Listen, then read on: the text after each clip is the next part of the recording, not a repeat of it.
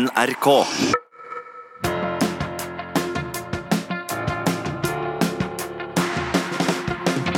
Sjakksnakk med Askild Bryn og Odin Blikravea. Dagens gjest er Hans Olav Lahlum. Så jeg har vel også da den lille regelfloken eh, Er det et brudd på snakkeforbudet å kysse en spiller? Så sier jeg bare det. Hei og velkommen til en ny episode av eh, Sjakksnakk. Jeg heter Askild Bryn, og som vanlig har jeg med meg Odin Blikravea i studio. Velkommen, Odin. Takk. Og eh, ikke minst en meget eh, spennende gjest i dag. Han er annet forfatter, historiker, sjakkekspert, sjakkarrangør, spiller og dommer. Velkommen, Hans Olav Lahlum. Takk for det. Det er hyggelig å være her i godt selskap. Godt å høre.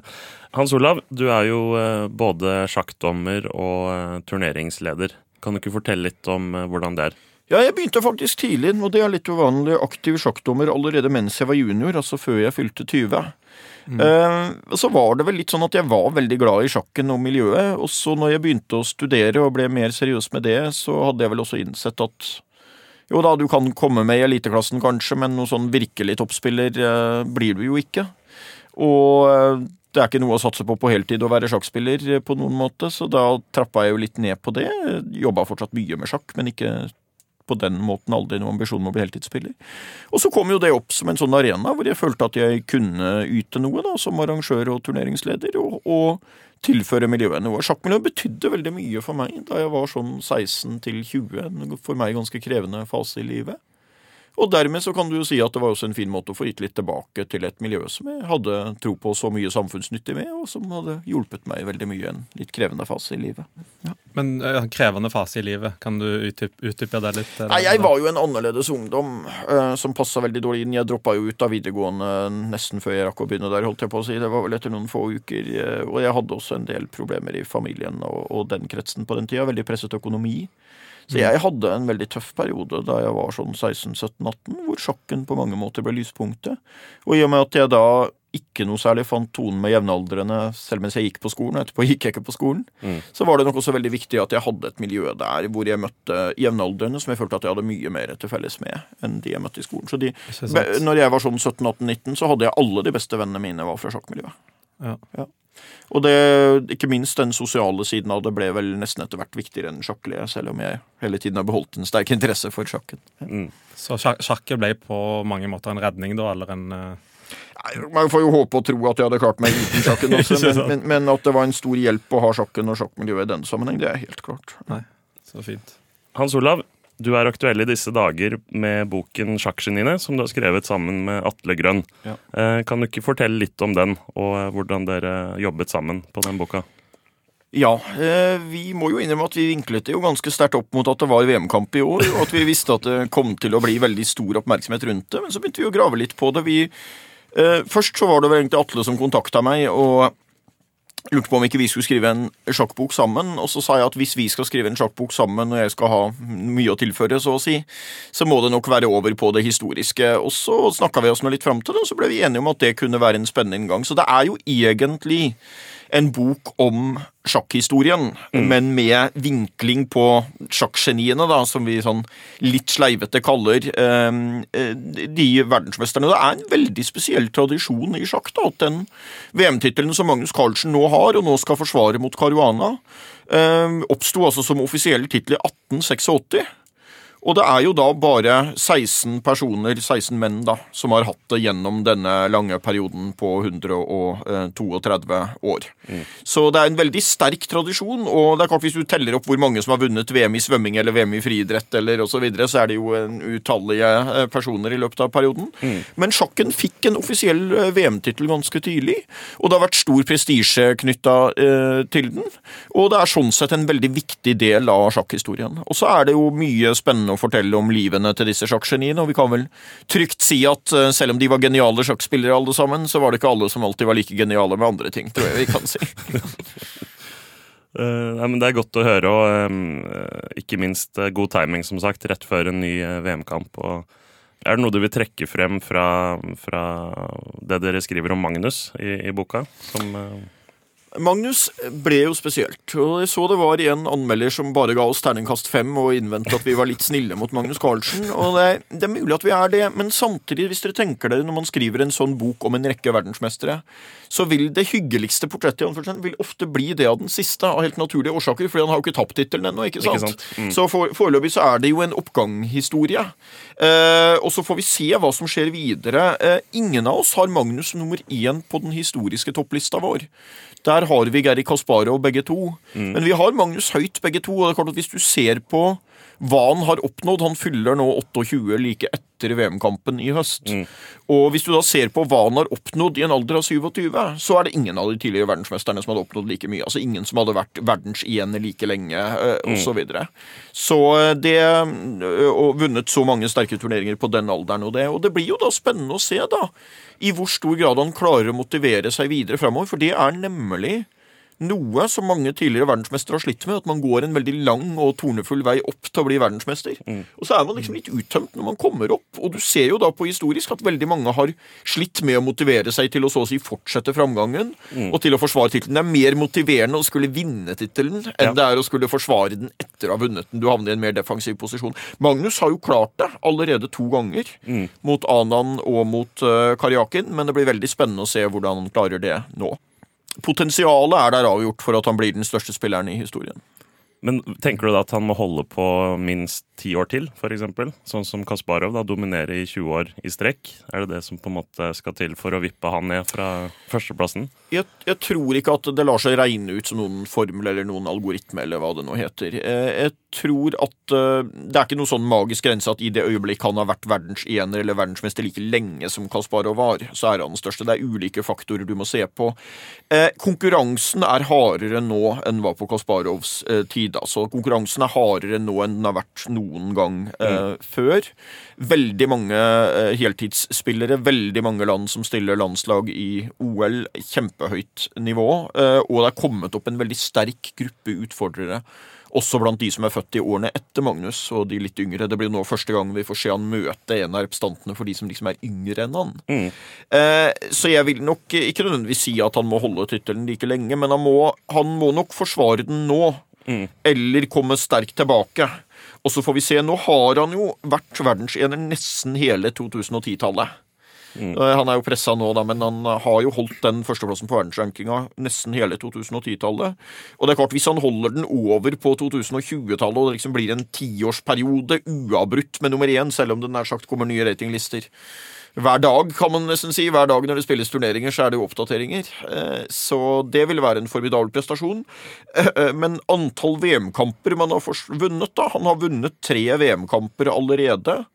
Hvis han vinner den fjerde nå, så er det kort. da tar han et steg til. Og det interessante er jo at hvis han skulle være så uheldig å tape den, så taper han vel verdensrankingen òg.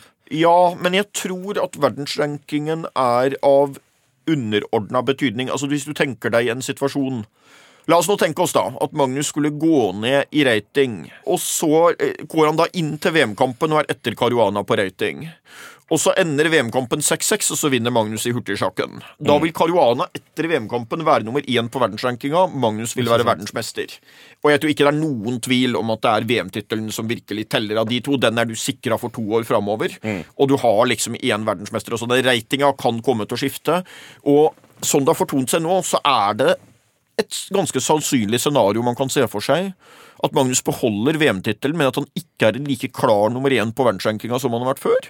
Og at han kanskje også for en kortere eller lengre periode mister førsteplassen på verdensrankinga. Og kanskje er det noe av det han trenger for å skjerpe seg også, og bli toppmotivert igjen. Mm. Og det er jo ikke bare Caruana som puster han i nakken. altså Mamedjarov fra Aserbajdsjan er jo godt oppe på 2,8-20-tallene. Og totalt så er det fire andre spillere over 2800 rating. Um, så det er flere som, eh, som puster han i nakken. Og hvis du, hvis du ser på prestasjonen, eh, så er det vel Ding Liren som eh, har Fra prestert Kina, ja. best. I 2018 Ja. så langt, ja. Ja, det er jo veldig ulike sjakkspillere vi på sett og vis snakker om her. Ding Liren har jo først og fremst vært ekstremt solid da, og liksom overtatt den posisjonen Og gjennom hele sjakkhistorien så har du veldig ofte hatt den der at du har noen spillere i toppen som er veldig solide, taper veldig lite, og av og til blir litt sånn hatobjekt også, for han spiller jo så mye remier, ikke sant? Mm. Men det fyller en funksjon, tror jeg, der oppe i toppen å ha ulike spillertyper, også ha noen av de der eh, kinesiske murspillerne Ja, ja. à Ding Liren. Men eh, Mamedjarov er jo på sett og vis den store overraskelsen, i den forstand at hvis du hadde spurt for fem år siden hvem tror du er topp tre i verden i eh, 2018 så er det nok det at Magnus og Caruana var der, er det ikke mange som hadde blitt overrasket over. Men at Mamedjarov skulle være der, det ville en del vært overrasket over. Han er en del år eldre enn de. Og selv om han hele tiden har vært en veldig god spiller, så har han virkelig blomstra opp eh, godt opp i 30-åra, egentlig. Og han, eh, han har vel uttalt at han eh, rett og slett har blitt litt mer seriøs de siste årene. Og, og med tanke på forberedelser, kutta ned på alkohol og gifta seg og rett og slett blitt en moden både fyr og, og sjakkspiller. Ja. Det har gitt uttelling så langt, i hvert fall, virker det som. Ja, eh, lavere alkoholkonsum er nok avgjort positivt. Om det å gifte seg er positivt eller ikke, det er det litt eh, ulike statistikk på, tror jeg vi kan si. Eh, men, men, men det er veldig spennende, og egentlig så er det jo nå Sånn det har skilt seg ut i år nå, så har du faktisk, ser du også på verdensrankinga nå, liksom hatt sånn Magnus nummer én, Caruana nummer to, Mamedjarov nummer tre. Og så har de tre skilt seg ut litt. Så vant jo Caruana et parti mot Mamedjarov da de møttes i OL. Og dermed så ble det liksom tøyd ut litt med avstanden. At han plutselig var... For det blir jo nesten sånn sekspoengskamper i fotball Ja. eh, når de møtes innbyrdes, ikke sant, på, med tanke på rankingen. Ja, og det blir mange av de oppgjørene i VM-kampen, hvis vi nå først skal bry oss om ratinga. Ja. Men jeg tror som sagt ratinga akkurat i VM-kampen er av litt underordna betydning. Men fram til VM-kampen så er den viktig, og den har litt med inngangsposisjon og sånt. Og Magnus leda jo mye klarere på Caruana ved starten av året enn det han gjør nå. Så det innebærer jo at hvis du ser på prestasjonene type siste seks eller sju måneder eller sånt, så har jo Caruana hatt en litt høyere ratingprestasjon enn det eh, Magnus har eh, hatt. Så det er helt klart at han er pressa, og ganske artig. For første gang egentlig siden de store Karpov-Kasparov-kampene på slutten av 80-tallet og begynnelsen av 90-tallet, så har vi nå en situasjon hvor nummer én og to ganske uomstridt i verden møtes. Altså Nummer én er verdensmester. Han er under press på verdensrankinga. Han skal forsvare den tittelen mot nummer to på verdensrankinga, som har tatt kraftig innpå der, så det er et veldig spennende opplegg. Um, jeg lurte på det, ikke sant? Altså, Hvilken historisk VM-kamp vil du sammenligne eh, denne VM-kampen med? Vil du trekke frem Kasparov mot Karpov? Ja, jeg tror nesten at det er det som peker seg ut, men med det forbehold at vi vet jo ikke hvordan det går. Mm, og du kan få litt ulike perspektiver. Hvis Magnus skulle tape, så vil man jo begynne å si når var de store tronskiftene? Liksom, Mm. når var det det skjedde? Mens derimot hvis Magnus vinner, så er det jo et litt annet bilde. Men det er noen spesielle ting ved det. Altså han Først tok han jo tittelen fra Anan, som var en hel generasjon eldre enn han, altså mer enn 20 år eldre. Og så forsvarte han det mot Karjakin, som er noen måneder eldre, men som da i praksis er helt jevngammel.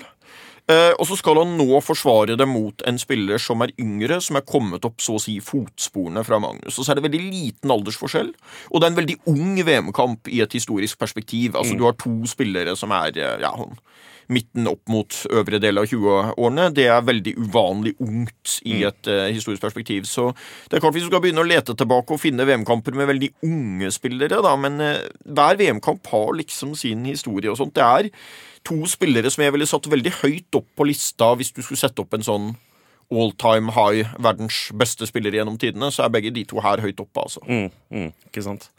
Det er litt interessant å si det, for eh, vi hadde jo Simen her, altså Simen Agdestein, som var tidligere trener til Magnus Carlsen. Da nevnte han det at, um, at han ikke så på Carana som et verdensmesteremne, iallfall ikke tidligere, da. Eh, hvordan vil du karakterisere stilen, stilen til Carana? Det er en liten kulturkollisjon, og det er ofte et spennende utgangspunkt. Fordi Magnus spiller jo på en måte i tradisjonen fra verdensmesteren Capablanca på eh, 20-tallet. Altså, han er relativt sett ikke så god i eh, åpninger. Altså Åpningen er den svakeste delen av spillet til Magnus hvis du sammenligner med de andre spillerne i verdenstoppen. Mange andre som jeg tror kan vel så mye åpningsteori, har med seg vel så mange skarpe varianter når de kommer til brettet. Men det er en bevisst strategi fra Magnus.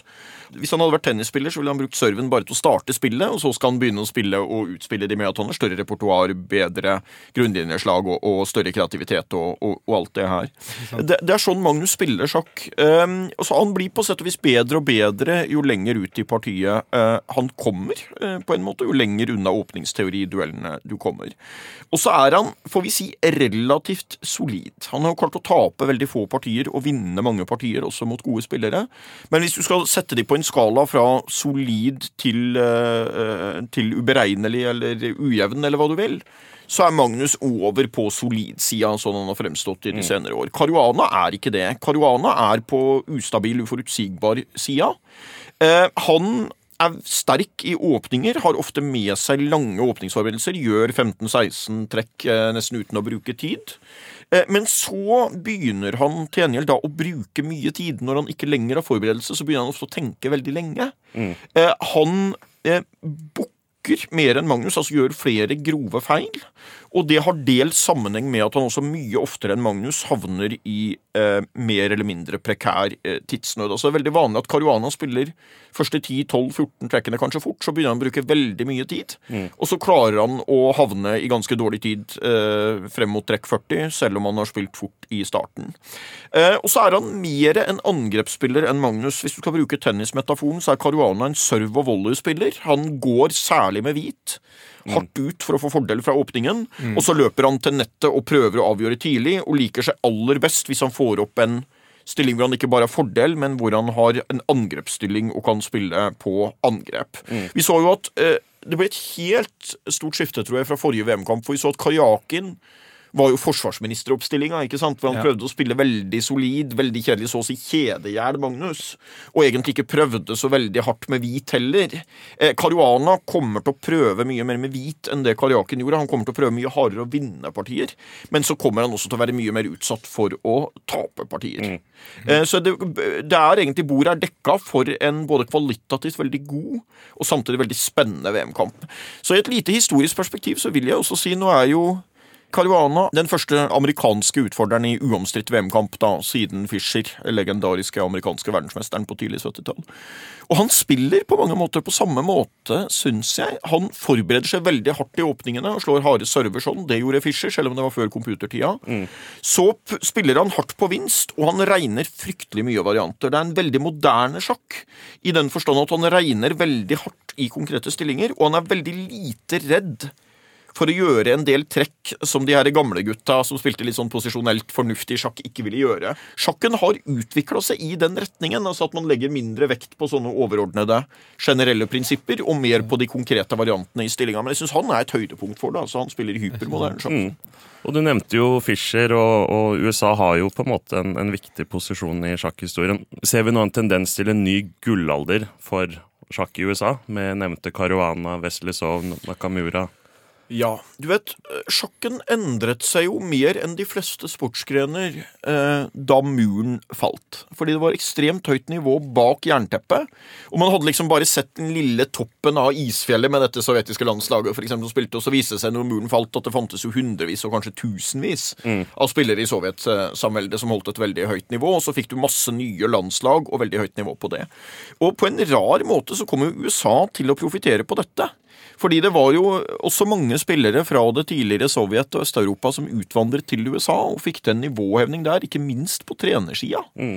Og det ser du jo litt nå, har de jo begynt å få frem noen egne spillere som så å si er født etter murens fall og dette, mm. mens vi i stor grad da bruker denne trenerkompetansen og sånn til å komme seg opp. Og USA har jo nå fått et av verdens beste landslag, kom på andreplass i uh, OL nå og vant sist. Mm. Eh, vi skal jo snakke mer om Caruana og VM-kampen, men uh, først så tenkte vi å høre litt med deg om uh, altså ditt første møte eller minne med, om Magnus Carlsen da, som ung sjakkspiller. Det er noen ganger at det er vanskelig å definere når møtte man egentlig denne personen. Ja. Dere har sikkert også opplevd det i sjakkmiljøet, at han var liksom alltid der. Ja. han var der da jeg var dommer i sjakk-NM på Gausdal på sommeren 99. Mm, det var jo første gang han deltok i NM. Ja. Og jeg må si at jeg ikke husker veldig tydelig at han var med da. Da tror jeg bare jeg registrerte han, eh, og han utmerket seg jo heller ikke da. Nei. Med noe superresultat. Han lå jo i midtsjiktet mm. og, og, rundt der. Eh, men jeg husker han veldig tydelig fra et halvt år senere, våren 2000, nemlig bestemt januar 2000. Da arrangerte jeg internasjonal turnering på uh, Gausdal, som da fortsatt var en sjakkmetropol, og da husker jeg kontakt med eh, faren hans Henrik, som da kontakta meg også og nevnte at han hadde en sønn som var veldig ivrig og veldig kreativ. Og jeg tok det jo litt med noen klipper salt, da, for det er ikke akkurat helt uvanlig at fedre ringer og at de har et kjempetalent på gang her. Eh, Men vi merka vel veldig fort da han dukket opp, selv om han fortsatt ikke var noen veldig sterk spiller. Han gjorde en del dårlige trekk innimellom. Men han var en veldig kreativ spiller, veldig interessert. Og han hadde veldig mye sjakk inne, og fremfor alt denne kreativiteten som har vært der gjennom hele karrieren hans. Eh, og i den fasen Jeg spilte jo remis mot han to ganger da han var sånn i det ble vel 10-11-årsalderen. Eh, så jeg har jo da 50% score mot ham fortsatt. Eh, og et- Helt greit. Ja da, og På det tidspunkt var han jo han var lavere rata enn meg første gang jeg spilte remis mot han. Jeg husker jeg tilbød remis, og da svarte han ja, du taper ikke dette hvis du bare passer deg litt. så han var jo Han var på den tiden tidvis ganske skarp i replikken. Ja, ja, Jeg Jeg Ja, husker, jeg husker det. Ja. etter andre gangen jeg snakket En andre gang jeg spilte remis mot han, det var en turnering hvor han gjorde det litt i underkant. Da var han vel jeg skal se, Var han fylt elleve, da? Han var rundt der. Eh, og da eh, husker jeg bemerka eh, Husker jeg spurte litt sånn at det går ikke sånn helt opp til forventning i denne turneringa, og da bare så han på meg, og så svarte han at jeg klarer ikke helt å konsentrere meg når jeg ikke møter stormestere. Han, var, han var litt veslevoksen av seg. synes jeg husker. Rappkjefta Han var veslevoksen. eh, særdeles veslevoksen i perioder, men han hadde også en veldig bevisst filosofi. At han søkte på en måte sannheten i sjakk, eller hva man skal kalle det. Han ville møte sterke spillere. Og han hadde ikke noe særlig interesse av å slå andre folk som var 10 eller 11 eller 12. Og når han var 11, så var han ikke noe særlig opptatt av å slå de som var 13 eller 14 heller. Eh, Han spilte liksom unntaksvis disse ungdomsturneringene, men med en gang det kom en invitasjon til en turnering hvor han kunne møte voksne spillere på et høyere nivå, så gjorde han heller det enn å sitte og spille noe sånn uh, junior-NM eller et eller annet sånt. Altså.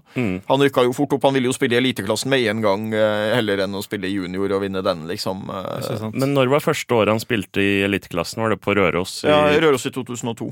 Røros 2002? Ja. Ja, jeg husker det fordi jeg var reserve til eliten og kom ikke med. eh, Og han kom med på en av de siste plassene. Og jeg prøvde jo å få disse spillerne som hadde kommet på de siste plassene, til å trekke seg. da. Ja, ja. Jeg argumenterte jo blant annet med at det finnes faktisk en egen klasse med NM-tittel for folk som er 13 år. Men eh, han ville heller spille i eliten, gitt, og det var nok fornuftig, Men, det. men du har jo spilt eliten sjøl. Du er jo en eh, meget habil sjakkspiller. eh, og du har deltatt der med noen øreklokker. Ja. Kan du utdype litt om det?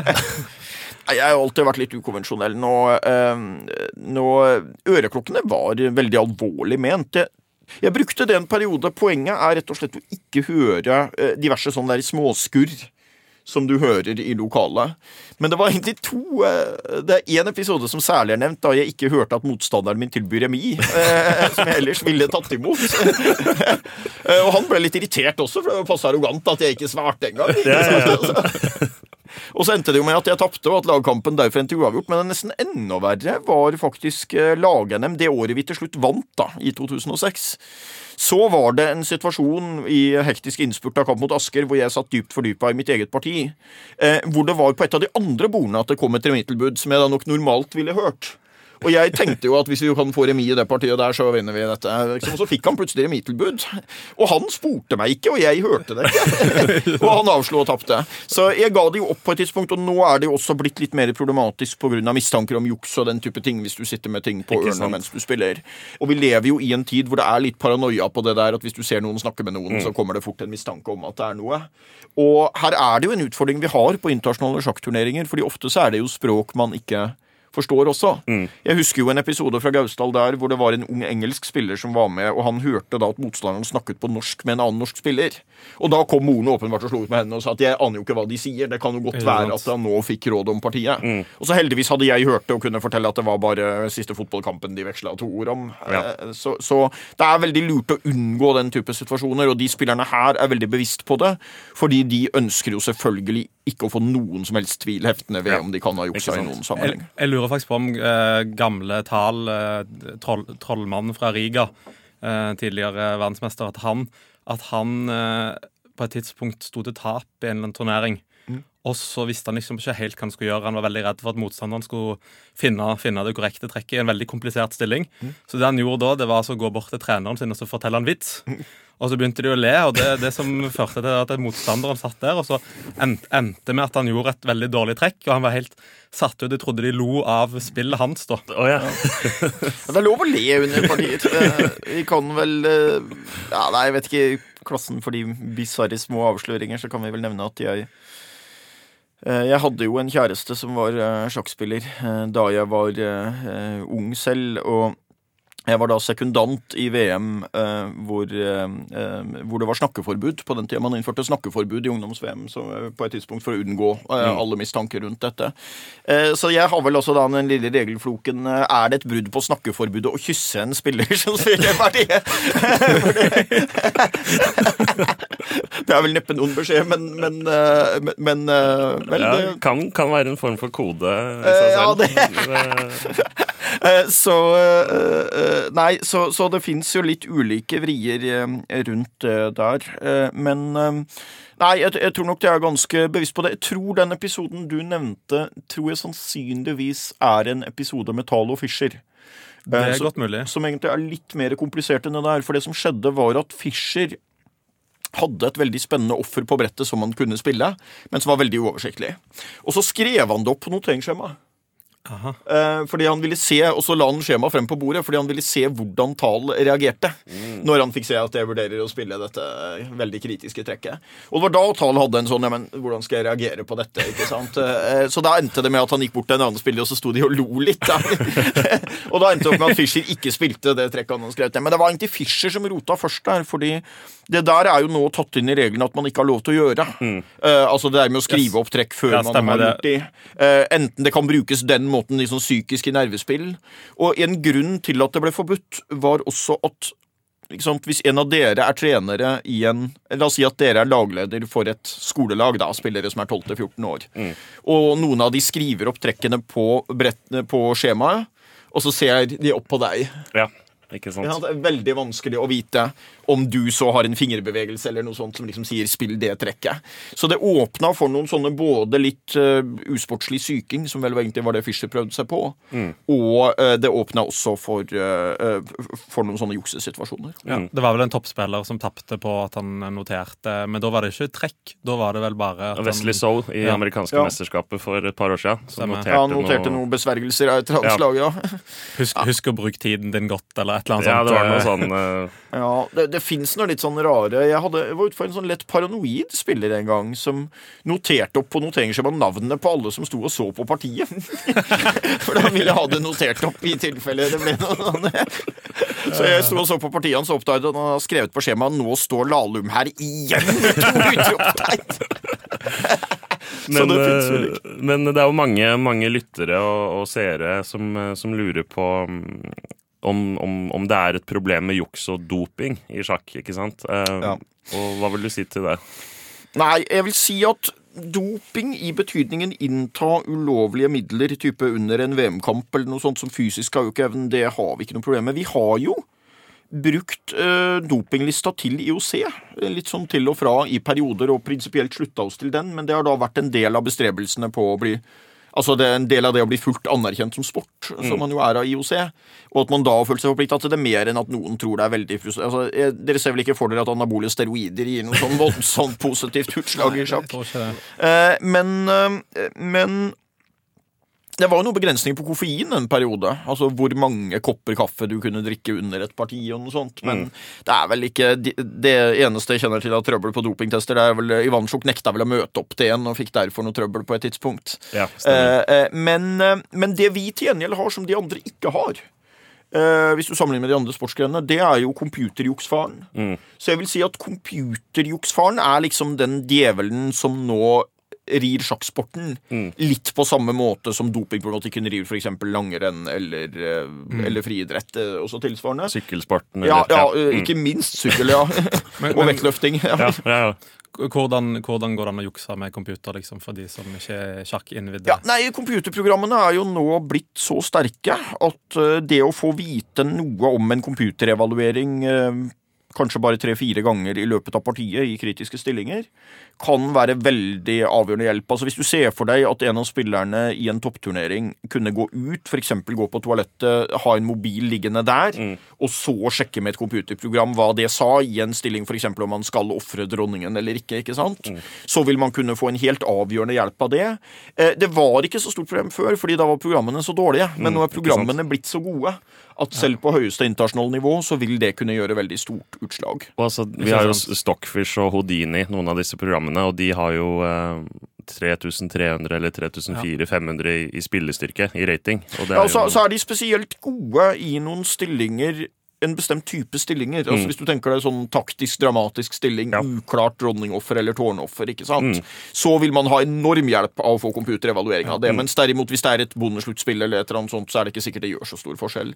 Men utvalgte situasjoner, og det har jo vært episoder med det, og det har helt sikkert det har vært episoder hvor folk har blitt tatt og diska, og det har helt sikkert også vært episoder hvor folk har juksa, men ikke blitt tatt. mm. men, eh, men som sjakkdommer, da, på nært hold, har du opplevd noen episoder der computerjuks har blitt uh, på en måte eh, mistenkt eller eh, avslørt? Ja da, eller? ja da. ja da. Ehm, Jeg har både hatt situasjoner hvor det har vært helt uberettigede anklager om det. Og det er den andre siden av den forbannelsen. ikke Ja. sant? At, at det ene er selve jukset, det andre er at det kommer anklager og beskyldninger. Eh, og det er litt urovekkende trend som man faktisk har sett helt i det siste. At det er også noen veldig sterke spillere, altså ikke på Magnus-nivå, men stormestere, som i en situasjon hvor hvis de blir stående dårlig mot en av oss, så å si, som jo kan skje, så begynner de veldig fort å si at jeg står dårlig, han er ikke så bra, Ja. han må ha juksa. Ja, ja. Ja. Eh, Kan dere undersøke lommene hans og finne ut om han har noen elektroniske hjelpemidler Mm. osv. Så, videre. så det er en del utfordringer ved dette. Mm. Man har jo gått en vei på det. At man har på den ene siden innført en del tiltak i Verdenssjakkforbundet for å bekjempe juks, altså måleutstyret og det ene med det andre. Mm. Og så har man ganske strenge straffer hvis du blir tatt. Men samtidig så har man nå også begynt å straffe folk som kommer med uriktige jukseanklager. ja, nettopp. Ja. Uh, og det er egentlig Det er nok sånn det må være, men det kortet er en side av sjakken som vi veldig gjerne skulle vært foruten. Og, eh, og dette ser man jo, altså alt fra, fra hobbyspillere til eh, stormestere som har blitt tatt eh, for det. Ja, ja da, vi, må, vi må jo bare innrømme at det har jo vært den type saker i Norge også. Ja. En mye omtalt sak med en blindspiller og blinde hjelpemidler og sånt, uh, som var veldig vond. Og vi har hatt flere saker i Norge hvor spillere er blitt utestengt pga. det. Men det varierer hvor planlagt det er. ikke sant? Den, den lite planlagte versjonen er en spiller som har en mobiltelefon i lommen, går ut på toalettet, bruker den. Eh, og kanskje til og med ganske spontant, ikke sant? Ja. At, eh, og ikke nødvendigvis en planlagt handling. Det, men, det, det, det har også hendt altså, ja. at folk bare får sånn, blir så oppslukt av det og Ja. må bare vite hva. Og, og så har du over til de veldig utspekulerte med nær sagt avanserte tekniske hjelpemidler og, Mm. og, og medhjelpere og sånne ting. Ja. Men jeg, jeg tror vi kan si at i VM-kampen kommer vi ikke til å se noe av det. Dette kommer til å være en helt fair VM-kamp mm. sånn. Um, og der kommer jo selvfølgelig også sikkerhetstiltakene rundt dette til å være helt på topp. Så vi eh, Det var jo en periode, ikke minst på 70-tallet og, og, og tidlig 80-tall, disse Karpov-Kortsjnoj-matchene, hvor det der var en del av greia. Det var riktignok før computernes tid, men det var fryktelig mye anklager om hemmelige signaler og yoghurten man brukte. Altså det var brukt å smugle inn beskjeder og Så Samme berømte Toiletgate. eh, med, med, ja, ja Med den, er jo, den er jo kjent fra nyere tid. ja. Kramnik og Topalov som fortsatt ikke vil ta hverandre i hånda På grunn av en uoppklart sak. Hva, hva skjedde der, eh, Hans Olav? Nei, det er jo VM-kampen mellom uh, Kramnik og uh, Topalov uh, tilbake for litt over ti år siden, da man holdt på å samle VM-titlene. Hvor Kramnik, som har en del helsemessige problemer, eh, gikk mye på toalettet en periode, hvor teamet til Topalov etter at Kramnik hadde fått en veldig god start på matchen, beskyldte Kramnik eh, for da å ha juksa. Mm. uten å ha noe mer bevis enn det å komme med, så å si. Og så ble det masse beskyldninger eh, fram og tilbake. Kramnik nekta å spille et parti i protest. Kramnik vant til slutt kampen under ganske dramatiske omstendigheter. Men det er vel egentlig det eneste klare tilfellet i topp, verdenstoppen i dag, med to spillere som virkelig ser ut til å ha et personlig veldig vondt forhold. Altså De prøver å unngå å ta hverandre i hånda og sånt når de spiller partier nå fortsatt. Ikke sant? Og det er klart det der blir veldig følelseslada når den, eh, med- med anklager om uh, juks uh, der. Så, så den uh, Det er nok det beste eksempelet eh, sånn, men det var mye. I gamle dager med Karpov og Kortsjnoj så var det jo han derre parapsykologen også, da, hvor eh, Stemmer det. Så satt ja. i publikum og Ja. Den ene spilleren hadde da med en person i støtteteamet som var eh, parapsykolog.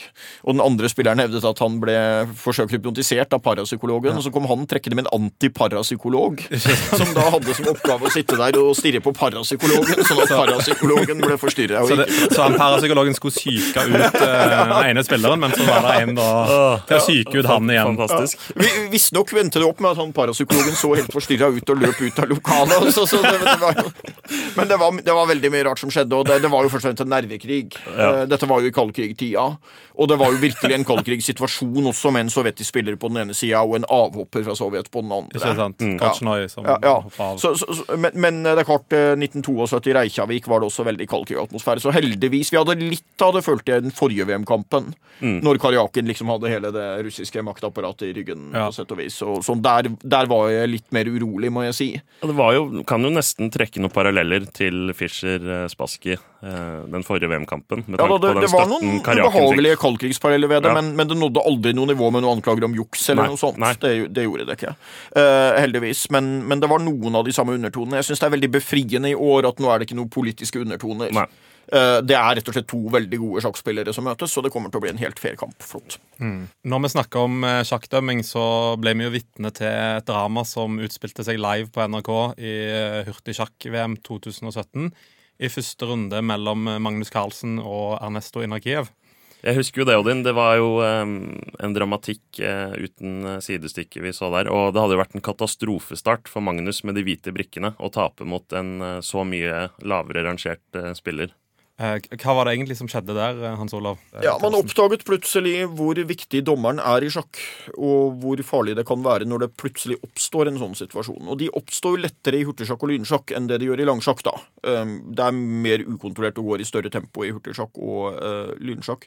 Nei, det var um, det var vel en situasjon hvor Inarkiev først gjorde et uh, ulovlig uh, trekk. Eh, han la ikke merke til at han sto i sjakk, så han svarte med en sjakk, hvis jeg husker riktig. Eh, det er ikke lov. Eh, og så oppdaget eller Magnus gikk ut av sjakken i stedet for å påpeke at du har gjort et ulovlig trekk. Og da krevde Inarkiev seier i partiet, for han mente Magnus hadde gjort et ulovlig trekk. Men den som hadde gjort et ulovlig trekk, var Inarkiev. Og så presterte han å få medhold av dommeren, men Magnus gjorde faktisk en feil i den situasjonen som kunne blitt skjebnesvanger, fordi han godtok det litt sånn tilsynelatende oversportslig. Han burde umiddelbart ha gått til den øverste ansvarlige dommeren i mesterskapet og sagt er dette riktig, jeg tror dette er feil. Eh, Men i stedet så godtok han det og tok motstanderen i hånda Og skrev under. og, og skrev under, og det skulle han absolutt ikke gjort. Men så kom da, når eh, overdommeren her etter hvert ble kobla på det, eller dommersjefen etter hvert ble kobla på det, så endte han likevel opp med å ta en veldig riktig avgjørelse om at, eh, om at det skulle rettes opp, og at man skulle spille videre derfra. Og Inarkiev sto helt til tap, så da nektet han å spille videre. Men jeg mener at avgjørelsen var helt riktig, men Magnus' håndtering av situasjonen kunne vært forbedra. Altså, han burde ikke godtatt det og ikke skrevet under på resultatet. Og der ville en del dommere ha sagt at når du har skrevet under på resultatet, da har du godtatt det, og da står det. Ja, for der er det jo òg en konflikt, ikke Ja. sant? Ja, Det fins helt klart dommere som ville sagt det, men det var en god avgjørelse av- dommersjefen. Ja. Og så syns jeg jo nesten litt synd på han dommeren som var til stede, som havnet i Alskes. Men, men jeg tror ikke vi skal tro så dårlig om Inarki. Jeg tror at det skjer i kampens hete. Og jeg velger å tro at han var i en slags god tro på det, altså. det tenker jeg òg. Det, er- det er mange som mener at han ikke var det, men uh, la de få tenke det. Det, må, det, det er kanskje bare Inarkiev som vet altså, hva som gikk for seg i hodet hans oppi der. Men det er helt rimelig å tro at han hadde sett uh, den avgjørelsen som han da krevde, at det hadde blitt gjort i en eller annen tidligere sammenheng. Eh, og det er i kampens hete hvor det går raskt for seg også i hodet på sjakkspillere. Men det ble riktig. ja. Veldig bra. Eh, vi, eh, vi skal avslutte snart med å, å snakke litt mer om VM-kampen. Men eh, Hans Olav, vi har en eh, fast eh, spalte i dette programmet som kalles Gjestens favorittspiller. Oh. Um, da ønsker vi at du trekker frem en død eller levende spiller som har betydd noe ekstra for deg. Um, så nå er vi Ja. spente på om du Ikke- har uh... Ikke lov å svare seg sjøl. Hva?! Ja. Det, var jo, eh, det var jo en bok for mange år siden hvor en del av toppspillerne ble utfordra på at de skulle velge ut to partier. da. Eh, Et de selv hadde spilt, og et som hadde gjort et utslettelig inntrykk. og Da var det jo en av de som tok to partier av seg selv. da. Det ene hadde, Han vant begge også, da. Det, det ene var han hadde gjort et utslettelig inntrykk på han, og det andre var han mer fornøyd med. Nei, jeg skal definitivt ikke nevne meg selv, og det er det ingen grunn til. Eh, altså, når vi sitter her, Det er selvfølgelig umulig å på en måte ikke nevne Magnus Carlsen som en favoritt, men jeg har lyst til å gå litt tilbake i historien og nevne en spiller som for det første var veldig sterk, for det andre spilte veldig morsom sjakk, og for det tredje fikk en litt sånn ublid historisk skjebne, og da tenker jeg på Paul Keres. Ah, Eh, som ofte nevnes som den sterkeste spilleren som aldri vant VM. Det er noe hard konkurranse om den tittelen også. Men Paul Keres kom fra Estland og spilte for Estland på 30-tallet. Så ble Estland annektert av Sovjet. Og han havnet i en veldig skummel situasjon, også fordi han hadde, mens Estland var okkupert, spilt i noen Tyskland-kontrollerte turneringer og sånt under krigen.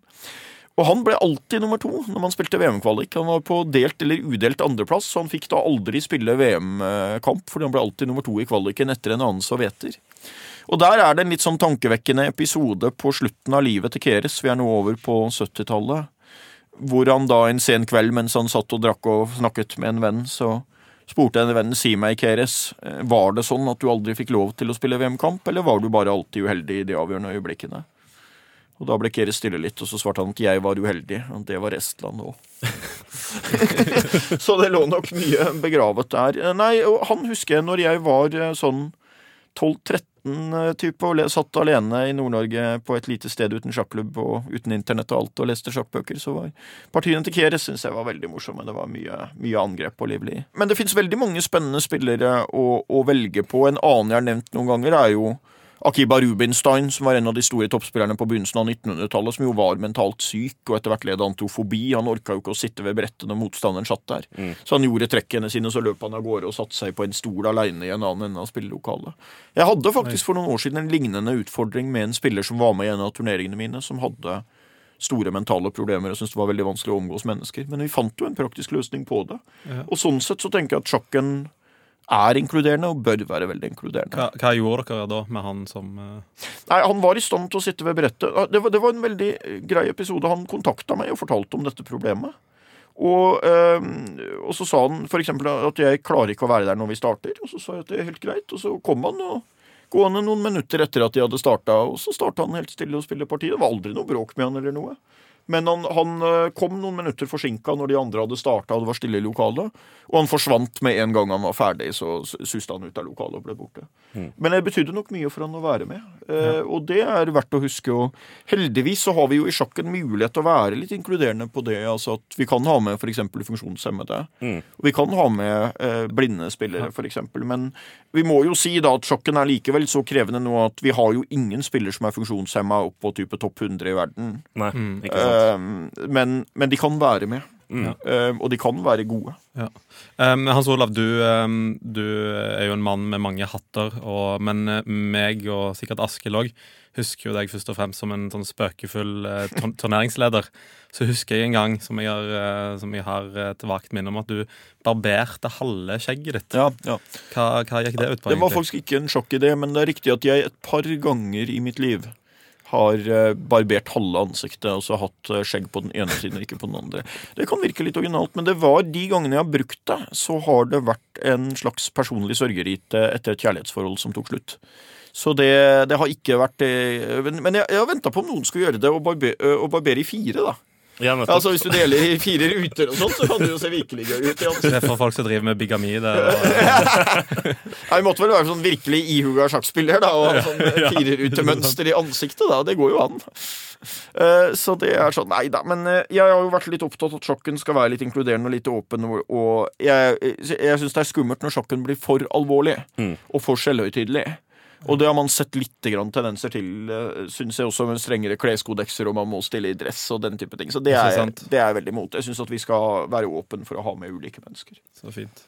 Nå nærmer vi oss slutten, men eh, vi skal eh, først eh, kjapt innom Caruana igjen, eh, Ja. Hans Olav. For du har jo møtt han eh, som, som sjakkekspert ved flere anledninger. Og kan du ikke bare si eh, kort eh, hva slags inntrykk du har av han som person, og fortelle litt om hans bakgrunn? Han er hyggelig. eh, gjennomført hyggelig, aldri ubehagelig på noen måte. Han er litt stille av seg. Mm. Eh, historisk har han spekulert litt i det, og liksom sagt om det er sammenheng mellom personligheten og hvordan man fremstår, og spillestilen. Mm. På Caruana tror jeg et godt eksempel på at man ikke føler at det er noe sterkt samsvar, på den måten at han spiller veldig offensiv, jeg holdt på å si litt bråkete, voldelig sjakk, nesten. Men han er en veldig stille, rolig, eh, hva skal man si, kultivert eh, eh, person når man møter han. Så har han nok under den derre litt sånn milde, forsiktige overflaten så har han nok en veldig sterk vilje, og en veldig sterk vinnervilje, som du av og til ser eh, kommer opp. Og han er virkelig ikke en person man utenfor brettet heller kan så å si overkjøre. Han sier nei til ting han ikke vil være med på, og jeg oppfatter han som en sterk personlighet, men i en litt sånn mild, litt forsiktig innpakning. og ja, kanskje ikke alltid det mest spennende intervjuobjektet. Han liker jo også å holde kortene litt tett, men, Mm. men veldig ryddig, grei, hyggelig. Og på mange måter så er han jo på sett og vis oppfostra til å spille en VM-kamp i sjakk. Altså Han har jo i likhet med Magnus valgt å ikke ta utdannelse, men satse på å være heltidssjakkspiller. Mm. Eh, Begynte veldig tidlig med det, slo tidlig gjennom, selv om han ikke var helt like ekstrem som Magnus, men som sånn vidunderbarn så var det jo veldig tydelig klart at, at han var Han er en stor intellektuell kapasitet, men at det var sjakken han satsa på å- å- å, eh, å- å skulle drive med. Så han har jo på sett og vis levd hele livet til nå for å spille en VM-kamp i sjakk. Mm, og fikk vel også mye støtte av foreldrene eh, i ungdomsårene. De bodde jo i, i Ja. Spania og Ungarn og hadde profesjonelle trenere. De flytta vel nærmest rundt etter at han, eh, hvor han kunne få best trenere og best utviklingsmuligheter, så hele familien der har vært veldig innstilt på det. Men jeg oppfatter at det har vært på en hva skal du si, veldig positiv måte. Mm. Jeg har ikke sett noe negativt knytta til foreldrene hans, annet enn at de så å si var glad i han, aksepterte at han, det var det han ville drive med. La ting mer til rette Ja, istedenfor ja. å presse han. Jeg, så vidt jeg har oppfattet, så har ikke det vært noe Nei. i det hele tatt. Og det ligner egentlig også på Magnus, fordi foreldrene til Magnus klarte jo også det. Mm. Ga jo eh, barna sine en litt utradisjonell oppvekst, men la det til rette på barnas premisser. Og det var aldri noe press fra foreldrene for at Magnus skulle spille og, og bli god. Det var han selv som ønska det. Mm. Og foreldrene som på en veldig god måte la til rette. Så jeg synes faktisk at der er de nok litt i samme kategori, på en Mm. måte. Ja. Ja, men det er godt oppsummert. Eh, Hans Olav Lahlum, tusen hjertelig takk for at du tok deg tid til å komme hit i en travel hverdag. Eh, det setter vi veldig pris på. Nå braker det snart løs med VM, og eh, vi gleder oss til, eh, til det. Det gjør vi absolutt, og det kan bli en heidundrende VM-kamp. Absolutt. Da gjenstår det bare én ting å si, Askild. Vi sjakkes.